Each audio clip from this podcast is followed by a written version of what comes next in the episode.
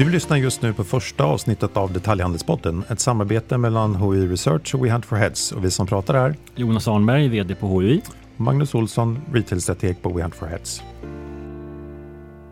Vi kommer med jämna mellanrum göra en nedslag i olika delar av detaljhandeln och samtidigt försöka ge vår bild av händelseutvecklingen inom viktiga områden. Och vad gör vi när vi inte sitter här och pratar Jonas?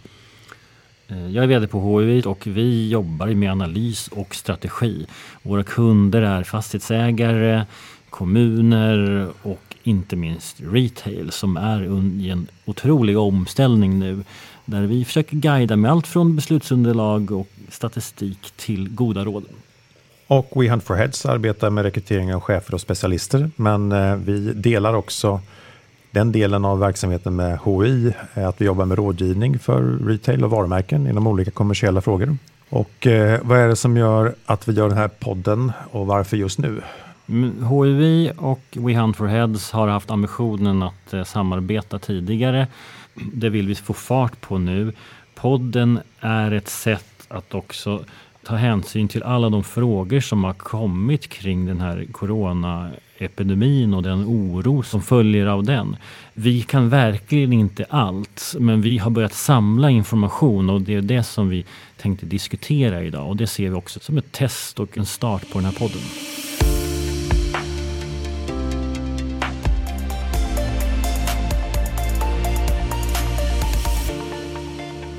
Och idag så kommer vi att prata om den viktiga frågan om konjunkturen. Vi kommer beröra hur konsumenter agerar i kriser generellt, men också lite snabba spaningar om just coronakrisen eh, som ju har en lite speciell karaktär. Och vi kommer också ge vår syn på vilka åtgärder man bör göra och inte göra som aktör inom handeln idag. Om vi börjar med konjunkturen då Jonas. Ni släppte ju er konjunkturrapport för bara någon vecka sedan och den har ju inte åldrats väl om man säger så. Hur ser du på de långsiktiga effekterna av coronaviruset för handeln? Det är väl minst synd om oss prognosmakare, men vi kan väl konstatera att göra prognoser i dessa tider är oerhört tufft. Vi sänkte prognosen för sällanköpsvaror med 1,5 procent.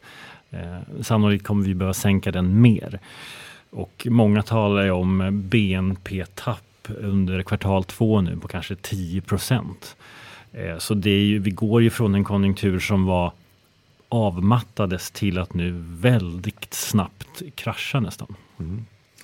Och hur gör man ens prognoser i de här situationerna? Alltså vanligtvis gör vi precis som de allra andra flesta. Man har olika modeller som man sen uppdaterar utifrån Statistiska centralbyråns eh, statistik som kommer med löpande och jämna mellanrum. Sen har, hittar man olika ledande indikatorer. För handeln är det till exempel hushållens framtidstro sättet man tror att man ska agera har också en koppling till hur man faktiskt handlar. Men det är klart, nu går allting så otroligt fort och de här indikatorerna har knappt kommit in än och när vi ser att de kommer komma in kommer de ju säkert vara väldigt mer dystra än tidigare. Så det är väldigt svårt skulle jag säga. Jag tror att man helt enkelt får räkna med oklara prognoser en tid till. Men rekommendationen är ju att utgå från att vi är i en ganska rejäl lågkonjunktur. Mm. Om vi tittar på tidigare lågkonjunkturer då, så har ju de skett innan den transformation som handeln var mitt inuti med digitalisering och så vidare. Hur kommer det påverka den här gången tror du? Jag tror att det vi kommer få se nu är ju att de trender vi redan har sett förstärks. Då tänker jag framförallt på budgettrenden, alltså att lågpris ökar. Men också att digitaliseringen får ökad fart. Vi har ju faktiskt aldrig kombinerat lågkonjunktur och digitalisering samtidigt i det här landet. Och det är klart att det är faktorer som driver på e-handel till exempel. Eh, tittar vi på USA så de som har anställt under sista veckan. Det är Walmart som har anställt 150 000 människor och Amazon som har anställt 100 000 människor. Så att eh, coronan får ju effekt både i att sänka konjunkturen och trycka eh, mot online. Eh, två trender vi redan har sett men som nu sannolikt förstärks ganska kraftigt. Mm. Och vi spelar in det här från Stockholm. Eh, här utanför är butikerna nästan folktomma. Hur lång behöver den här krisen vara för att vi ska få en mer ordentlig sättning i ekonomin? Många som du var inne på var ju redan nu väldigt sårbara. Vi har haft en snabb, kraftig omställning. Likviditeten är redan låg, så det handlar nog bara om, om, om dagar eller veckor. Det är inte många som klarar 70-procentiga besökstapp. Jag beskrev en spaning i Sportfack för tre veckor sedan är det nu om sportbranschen som ju är inne i en tuff omställning i att väldigt mycket mer av försäljningen går via nätet medan de fysiska aktörerna har sina utmaningar då med färre besökare och så.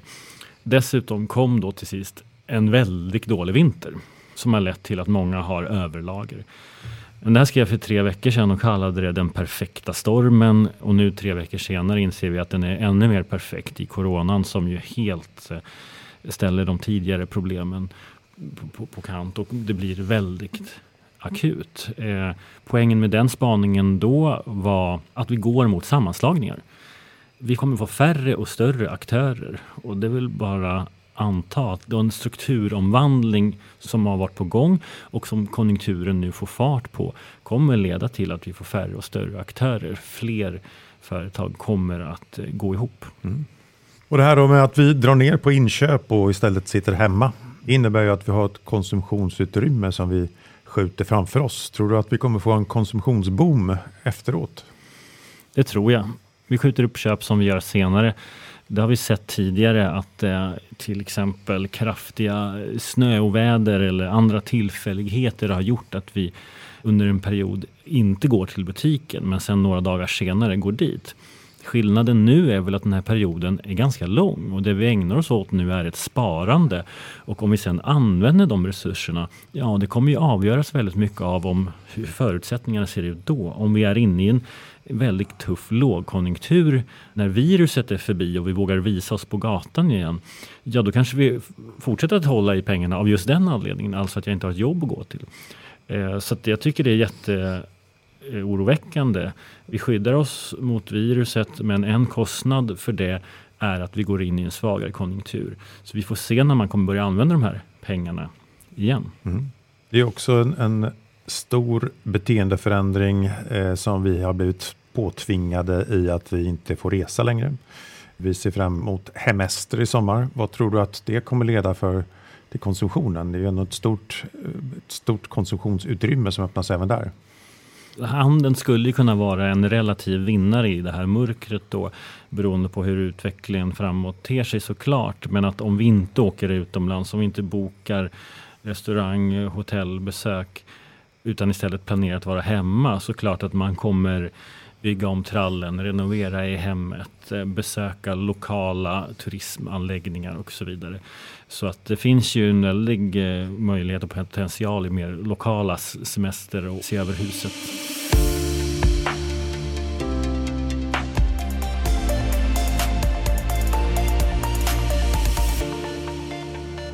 Många förändrade beteenden alltså. Om vi tittar lite grann på hur vi som konsumenter beter oss då så finns det ju några saker och ting som vi inte har sett tidigare. Som till exempel bunkring. Jag var ute och skulle handla gäst och baka bröd i helgen tillsammans med min dotter men det fanns ingen gäst någonstans för den var, den var slut. Mjölet var slut och tidigare så har vi sett bilder på hur folk hamstrar toapapper. Varför gör vi det tror du? Det är väl rimligt att eh, man vet inte, ingen har väl varit med om det här tidigare och eh, om Folkhälsomyndigheten eh, säger att vi, vi sannolikt kommer bli i karantän hemma så, så, vill man väl förbereda sig på det helt enkelt. Eh, Men när ska folk baka upp all det här mjölet som man har köpt nu? Ja, antagligen så kommer det finnas ganska mycket grejer hemma i skafferierna som vi får se hur man använder. Jag tror att om man har lagat mat tre gånger om dagen eh, ganska snabbt kan tröttna på det och börja använda sig av den lokala pizzerian eller hemkörning från någon av restaurangerna i stan. Och det skulle väl också kunna vara en väldig räddning för de här näringarna som ju nu verkligen har det tufft. Mm. Sen finns det andra beteenden som kommer igen från kris till kris eh, och en av dem är ju att man kanske lägger mer tid på research inför större inköp. Det är inte bara att man skjuter på inköpen utan man är också noggrannare med vad man lägger sina pengar på. Det finns också en faktor som är att vi kanske väljer en billigare produkt. Man brukar kalla det för trading down. Sen finns det också när krisen har varit ett tag också ett beteende som jag tror att vi kommer att få se eller kanske till och med redan nu ser just det att beställa mat och så vidare. Att vi, vi orkar som, som individer inte sitta inne och, och krisa hur länge som helst, utan över tid så kommer vi se konsumenten att börja, börja unna sig på olika sätt. Och det tror jag vi redan ser i lokala pizzerier och restauranger som får fler eh, orders. Vi ser sannolikt att stormarknader kanske kommer få det tuffare jämfört med mer lokala butiker. Mm, det finns till och med en folkrörelse nu med, med Local Hero på fler och fler orter. Där man just vill säkra den, den lokala handeln och, och, kanske ser lite mer positivt på, på att just handla i närområdet där man bor. Och även restauranger på stan kommer ju sannolikt kunna bli populära med, med hemkörningstjänster, även om det då inte alls kan ersätta eh, alla uteblivna besökare, men någonting kan det förhoppningsvis ge. Mm. Vad ser du mer för beteenden som uppkommer i den situation vi nu har? Jag tycker det uppenbara är det du har varit inne på kring budget, lågpris. Det kommer få ytterligare en skjuts. Det andra är ju flykten från offline till online. Människor vill inte och uppmanas att inte träffas. Så det är klart att e-handeln kommer att få en skjuts. Och det är intressant att se att eh, mat på nätet som har haft det väldigt tufft och svårt att få igång sin affär nu är överbokad. Även att äldre kundgrupper börjar handla apoteksvaror på nätet. Det, det här tror jag är förändringar man kommer att ta med sig även när den här krisen förhoppningsvis tar slut så snart som möjligt så kommer äldre människor fortsätta att handla apoteksvaror på nätet. Mm, mm. Tror du att det kan finnas några vinnare på, på den här krisen i handeln? Ja, men det är då precis det jag var inne på. Det är klart att kanalen online är ju vinnare. Sen vet vi att det finns väldigt många förlorare sannolikt inom e-handeln eftersom lönsamheten är svag och om, om människor börjar skjuta upp köp så kan det bli väldigt många e-handlare som får problem. Riskkapital som drar tillbaka pengarna. Det skapar en osäkerhet som sannolikt kommer tvinga flera e-handelsföretag att ställa om från tillväxt till lönsamhet. Och det kanske inte är jättelätt. Nej, och det är en helt, det är en helt annan affärsmodell än, än den som många e-handlare har haft nu som handlar bara om att, att växa. Mm. Eh, så hela organisationen och hela ledarskapet och hela allting bygger på tillväxt. Frågan är hur många som kommer att ens kunna ställa om till, till lönsamhet i, i en rimlig tid. Ja, och även här kan det väl vara så att vi får se fler sammanslagningar. Mm. Um, du, var in, du var inne lite grann tidigare Jonas på um, att sporthandeln kommer att ha det, ha det tufft. Vad, vad tror du generellt om uh, olika branschers förmåga inom, inom sällanköp att, att hantera situationen? Om man tar klädhandeln till exempel. En av anledningarna till att man köper kläder är ju när man vill gå ut på restaurang eller gå till jobbet och, och träffa människor. Nu behöver man inte köpa några nya kläder. Man sitter ju hemma i mjukisbyxor och jobbar hemifrån och beställer maten hem. Mm. Och där har vi en bransch som redan innan, precis som sporthandeln, var inne i en väldigt tuff omställning. Mm. Så att jag tror det tycks vara en kris som drabbar de som redan innan hade det ganska tufft, som till exempel kläder och sport. Mm. Tittar vi istället på andra som dagligvaror så, så har ju de alltid klarat konjunktursvängningar eh, bättre. Eller som, ja, I högkonjunktur kanske man inte har samma ökning som sällanköpsvaruhandeln. Men framförallt klarar man sig bättre i, i, i lågkonjunktur. Och nu har vi dessutom en, en riktig bunkring och e-handelsboost för branschen. Mm. Hur ser du på, på eh, det här att retail har ju ändå haft en fantastisk tillväxt under hela 2000-talet. Och, och, även under 90-talskrisen, många år, så, så växte ändå retail. Vi har ju haft en fantastisk tillväxt även inom köpcentrum. Eh, uthyrningsbar butiksyta har dubblats under några år på 2000-talet. Blir det en normalisering nu? Eh, eller vad, vad, hur ska man beskriva det här? Handeln har ju gått egentligen överlag väldigt bra sedan 90-talskrisen. Ja, det har att göra med eh, god ekonomisk tillväxt, låga räntor. Också det faktum att handeln har förändrats. Vi har börjat köpa in varor från Kina. Eh, lyckats fylla butikerna med fler varor, köpcentrumen med fler butiker och så vidare. Så vi har haft en utbudsexplosion. Nu kanske det börjar bli problem att få varor från Kina. Vi, vi, har en ekonomi som försvagas kraftigt och vi kanske går in i den djupaste krisen sedan 90-talskrisen för svensk del. Eh, så visst kan det vara att vi får nu ett rejält stopp på den väldigt fina uppgång som har varit. Mm. Du nämnde det här med eh, utmaningen med att få varor från Kina. Jag vet ju de som redan innan den här eh, krisen och det här produktionsbortfallet som, som kom av den kinesiska delen av coronakrisen funderade på hur man skulle ställa om sin eh, sourcing och sina inköp från mer närliggande marknader, bland annat inom mode. Frågan är också hur vi kommer se Kina som handelspartner framåt. Jag tror fortfarande de är väldigt det finns så många, det, det, fungerar ju att handla från Kina. Det är en väldigt strukturerad marknad att handla från.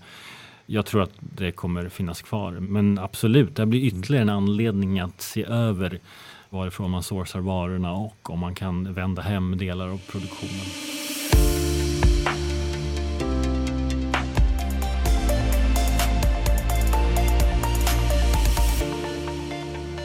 Vad tänker du att man ska göra nu då om man är, om man är aktör i handeln? Jag har pratat med många den senaste veckan och, och även i helgen och det verkar som att många försökte krishantera så mycket som möjligt förra veckan. Man hade ett öra i, i media hela tiden och kunde ta in hur politiker lanserade paket efter paket. Vad är dina råd och tips om vad man borde göra? Jag tycker ett väldigt konkret råd är ju att eh, prata med Svensk Handel. Är ni inte medlemmar i Svensk Handel så blir det genast. Det är en organisation som på väldigt kort tid har snabbt ställt om till att hjälpa sina medlemmar med den här coronakrisen. Och man får ju arbetsrättslig hjälp, eh, hyresförhandlingar, vägledning kring de nya regler och avlastningar som kommer från regeringen kring logistik i Europa och så vidare. Kort sagt väldigt mycket hjälp kan man få kring hela driften av juridiken och liksom eh, det arbetsrättsliga. Så bli absolut medlemmar i Svensk Handel. För det andra så skulle jag säga vi, vi är i en lågkonjunktur nu. Det har gått snabbt, vi vet inte hur djup den är, men planera för det. Vilken typ av varor är det man skyltar med i lågkonjunktur? Eh, vilken kommunikation använder ni er av? För det tredje tror jag att man måste försöka ta hand om personal och kunder så mycket det bara går. Alltså hur kan vi ställa om så att människor kan komma till butikerna? Ska vi ha kanske färre varor i butikerna, större avstånd, så att man kan ha ett större avstånd? Mm, jag såg en dansk kedja som hade en, en dagligvaruaktör som hade satt upp dekaler på golvet för hur, hur, vilket avstånd man skulle ha när man stod i kö. Ja, men jag tror det, alltså, olika rekommendationer till personalen så att man vet hur man ska bemöta kunderna. Det tror jag är jättevälkommet. Mm. Sen tycker jag också, alltså gör gott. Man, vi såg ju JD och Alibaba, kinesiska handelsföretag som, som la om delar av sin logistik till förmån för då medicin och sjukhusutrustning och sådär. Eh, och det ser vi fler svenska aktörer också göra. Alltså att eh, Absolut Vodka planerar att hjälpa till att göra handsprit. Vi ser att olika butiker skaffar olika öppettider så, så att risk, till förmån för riskgrupper.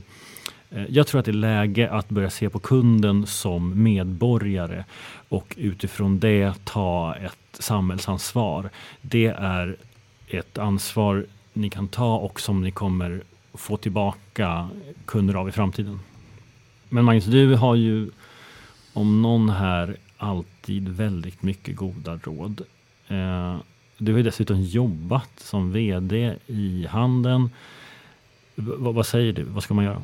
När det gäller marknadskommunikation så sitter nog säkert några och tittar över sina budgetar och eh, lite frestad att, att spara, eh, rädda likviditeten. Eh, men det är väl mitt viktigaste tips och råd att om man har likviditet, bli inte tyst.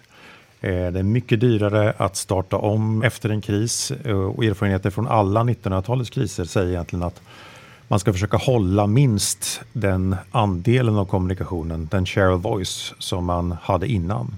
Och eh, medieutrymme blir ofta billigare under en kris, så att ofta kan man göra det till en, till en mindre peng helt enkelt. Men att, att man hela tiden försöker vara närvarande på ett eller annat sätt.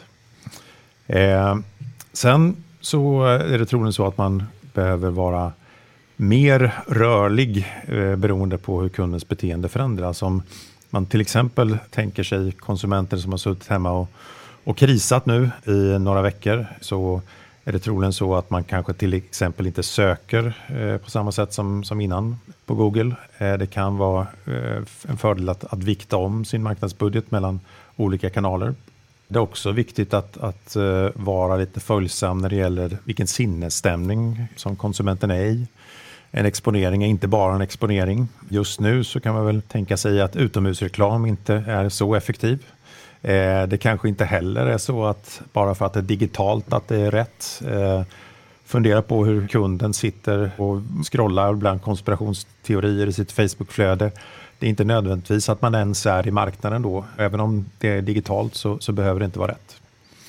Och sen är det också en, en väldigt viktig del eh, som har med priserbjudanden att göra som vi redan nu ser från erfarenheter från södra Europa där kunderna kan bli direkt fientliga, eh, extremt irriterade av, av priserbjudanden när det blir tuffare i samhället. För när många lider på riktigt, då är vi inte speciellt lyhörda för att ta tre, betala för två. Eh, det är inte smakligt helt enkelt. Så jag tror också man ska ha en liten finkänslighet när man kommunicerar så att det inte blir tvärtom effekt helt enkelt. Goda råd. Vi ska runda av snart. V vad gör du just nu Magnus? Just nu så ställer vi om från eh, föredrag och rekrytering till mer utbildning, till annan typ av rådgivning och vissa fall också riskbedömning. Vi är ett litet bolag där jag har jobbat tillsammans med min fru Caroline, så vi har en relativt liten kostnadsstruktur. Eh, hur ser det ut för er kommande veckor? Eh, vi, vi, får väl se det som vår, denna del av affären som direkt har stängt ner. Det är ju allt som har med föreläsningar, moderatorroller, olika konferenser och så som för HV är en ganska stor affär. Den är ju helt nedsläckt. Men eh, vi hoppas att vi kommer igen och behovet av analys har ju inte blivit mindre på något sätt. Och där räknar vi ju att komma med lite nya produkter också kanske framåt någon månad här tillsammans. Ja, retail behöver hjälp och det ska vi se till att man får. Mm. Och angående den här detaljhandelspodden som det här är ett, någon form av pilotavsnitt till. Vi har ju väldigt mycket saker vi skulle vilja prata om mer framåt. Och eh, vi hoppas återkomma helt enkelt. Är det så att någon av er som lyssnar på det här har idéer om vad vi ska prata om, så säg till. Maila oss på magnus.olsson at wehuntforheads.se eller jonas.arnberg at. Och det gäller också om du har konkreta frågor om hur man ska agera i, i det här läget. Tack för att du lyssnar. Tack ska ni ha.